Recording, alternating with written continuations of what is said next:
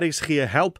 Ons uh, plaas die fokus op 'n welsyns of 'n nuwe winsgewende organisasie en een so 'n organisasie is MCM oftewel Monte Cristo Miklat en die bestuurshoof is Alicia Grindling. Middag sê Alicia.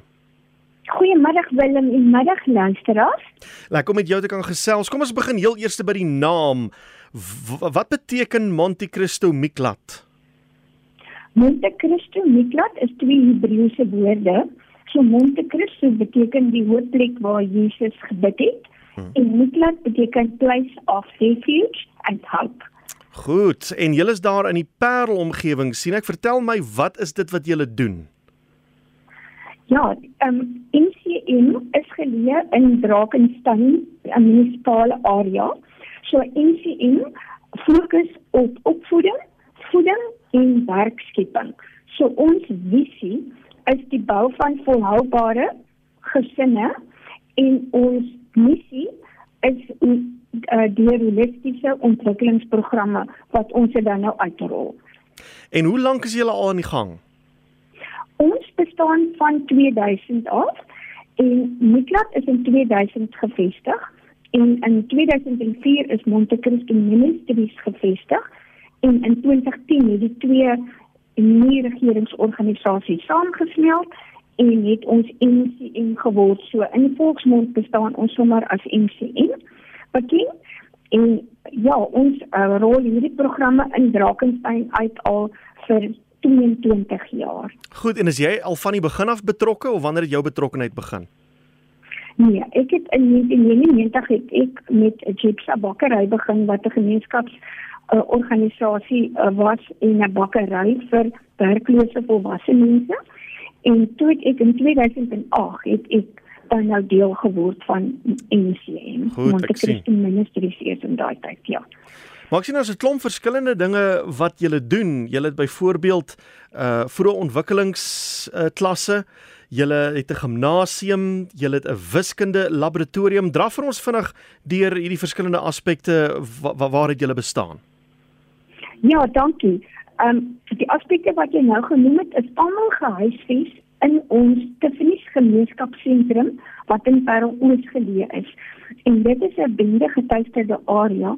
So die gebou is letterlik 'n baken van hoop. So in die gebou is daar 'n dagsorgsentrum uh, vir vroegkindontwikkeling. Ons neem kleintjies in van 2 jaar tot 5 jaar en dan het ons ook 'n nasorgprogram waar ons van graad 1 tot graad 12 huisves. So ons bied hulle in die middag huiswerk hulp aan en wiskunde en dan ook lees van ons kleintjies sukkel. Ons kinders sukkel baie hmm. met lees.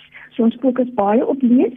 Dan het ons ook 'n e-leer of 'n digitale opleidingsentrum waar ons 18 rekenaars het. So van graad 8 tot graad 10 kan die leerders dan elkeen by sy rekenaar sit met sy oorfoontjies op en hy kan dan 1 tot 1 klasonderrig ontvang in wiskunde of in tale of geskiedenis. So dit is ook um, omdat ons die COVID is, het ons gevind dat die kinders se agterstand is vreeslik groot um, in terme van hulle skoolwerk en daarom het ons ook gedink om die digitale opleidingsentrum in te span om ons net 'n bietjie nog ekstra hande te gee om die akademie te versterk. En dan het ons 'n gimnasium wat 'n wonderlike plek is, want dit is sommer 'n sosiale uithangplek vir die jeug en in oggende kom daar um, bejaardes 'n uh, bietjie oefen mm. wat ook vir hulle 'n um, uh, sense of belonging gee soos die Engelsman ja. sê in die in die uh, gesonde geeshuisfees. En dan het ons 'n drama en um, kuns en kultuurskool waar ons drama klasse aanbied en kreatiewe skryfkuns in in die Kaapse dialek. Ons het juffrou Greya met 'n uh, Freya Friedrichsdorp en sy is baie bekend in die um, um, poesiekringe en ons is baie geseënd om vir haar te hê wat um, eintlik begin werk het met ons bende jeug. So in 2016 het ons 'n baie groot probleem gehad in gemeenskap ja. was so onveilig met die bende aktiwiteite en daarom het ons toe nou besluit maar ons gaan betrokke raak by hierdie bende kinders. Hulle was maar van 12 tot 24 jaar oud wat jong kinders is en veronderstel om in die skole te hmm. wees hmm. en toe het ons hulle in die sentrum ingenooi en spesifiek na die gimnasium toe vir hulle op die fietsse gesit en op die gewigte en hulle lekker moeg gemaak en dan in, en dan in die middag het ons vir hulle 'n bord kos gekook, lekker gesonde kos. Hulle het in die saal het hulle by 'n gedekte tafel gesit. So dit was 'n vreeslike groot kultuuraanpassing mm. omdat ehm um, die die kinders nie gewoond was aan 'n tafel sit nie, nie met 'n mes en vork nee, te eet nie.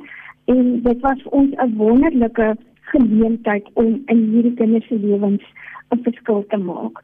En so het ons in Maart 2014 net begin hande uitsteek en liefde gee vir hierdie kinders en in ehm um, dit was Junie maand 2016 het ons hulle in 'n bus die een aand na die Asofiewe teater toe geneem en David Kramer het 'n wonderlike produksie op die planke gehad aan Kanala en ons wou baie graag gehad het dat die die, die kinders moet vir Kanala gaan kyk want Kanala het gegaan oor jou kultuur, oor die breinkultuur.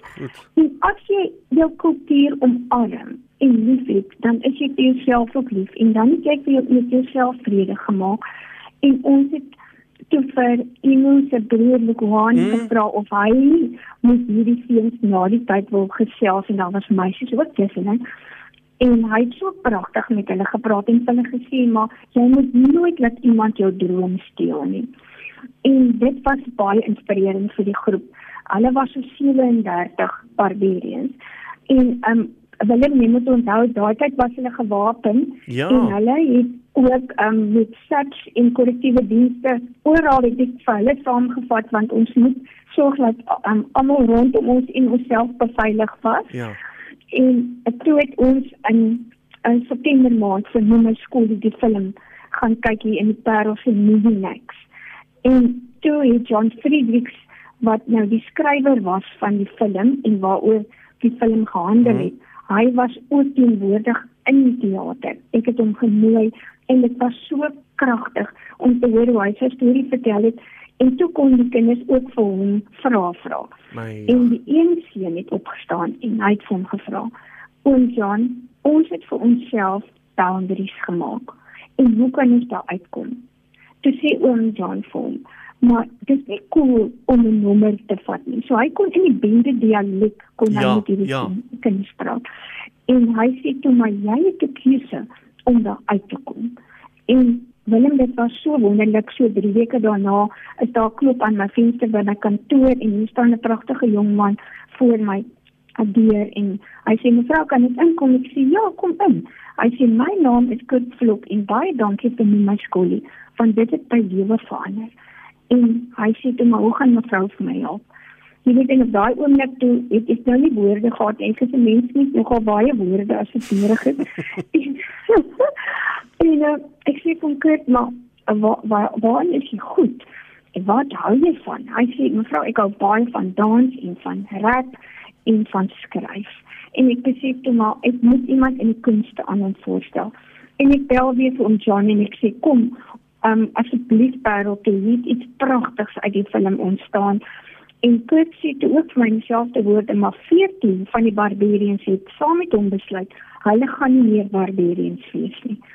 Ay, en jylle. so het ons toe nou die drama en skryfskool begin vir hulle in um, Maart 2017. So die Dickens en Kultuurskool beteken so baie vir die gemeenskap want daar is nou vrede, daar's versoening, die gesinne is herenig en dit is net 'n absolute getuienis van hoe mense die kuns en kultuur ook aan vrede bou.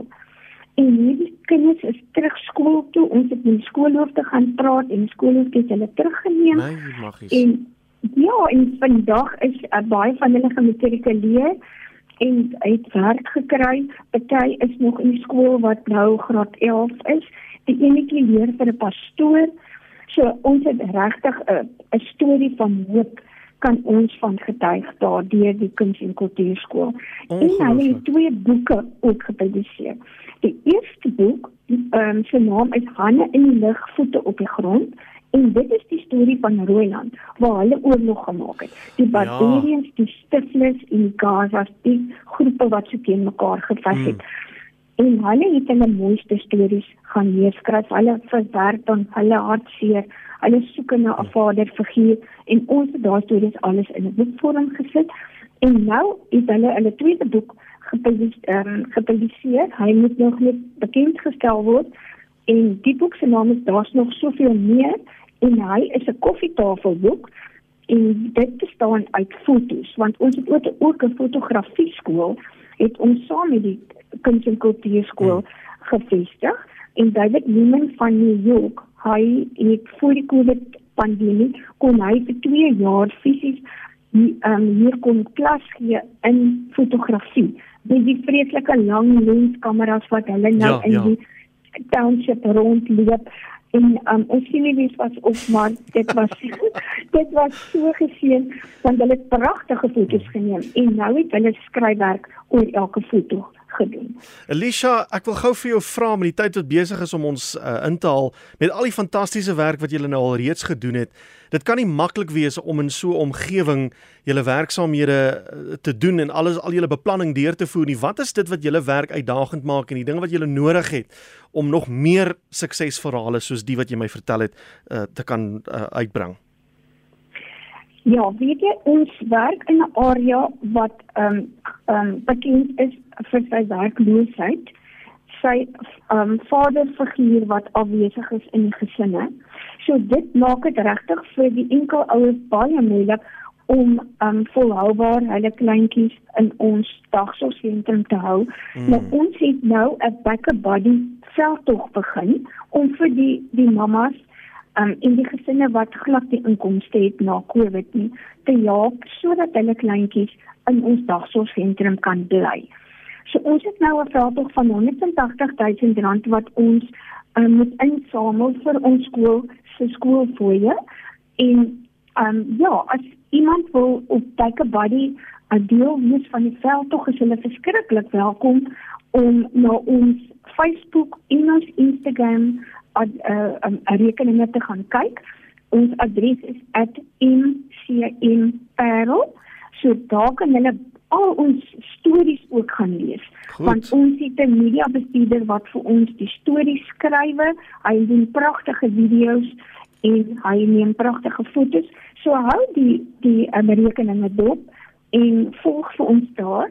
Maar ons uitdaging is maar um dat daar nie genoeg werkgeleenthede is vir ons ouers nie en ook vir ons jeug nie. Hmm. So daarom is dit belangrik dat ons vir ons jeug bemagtig.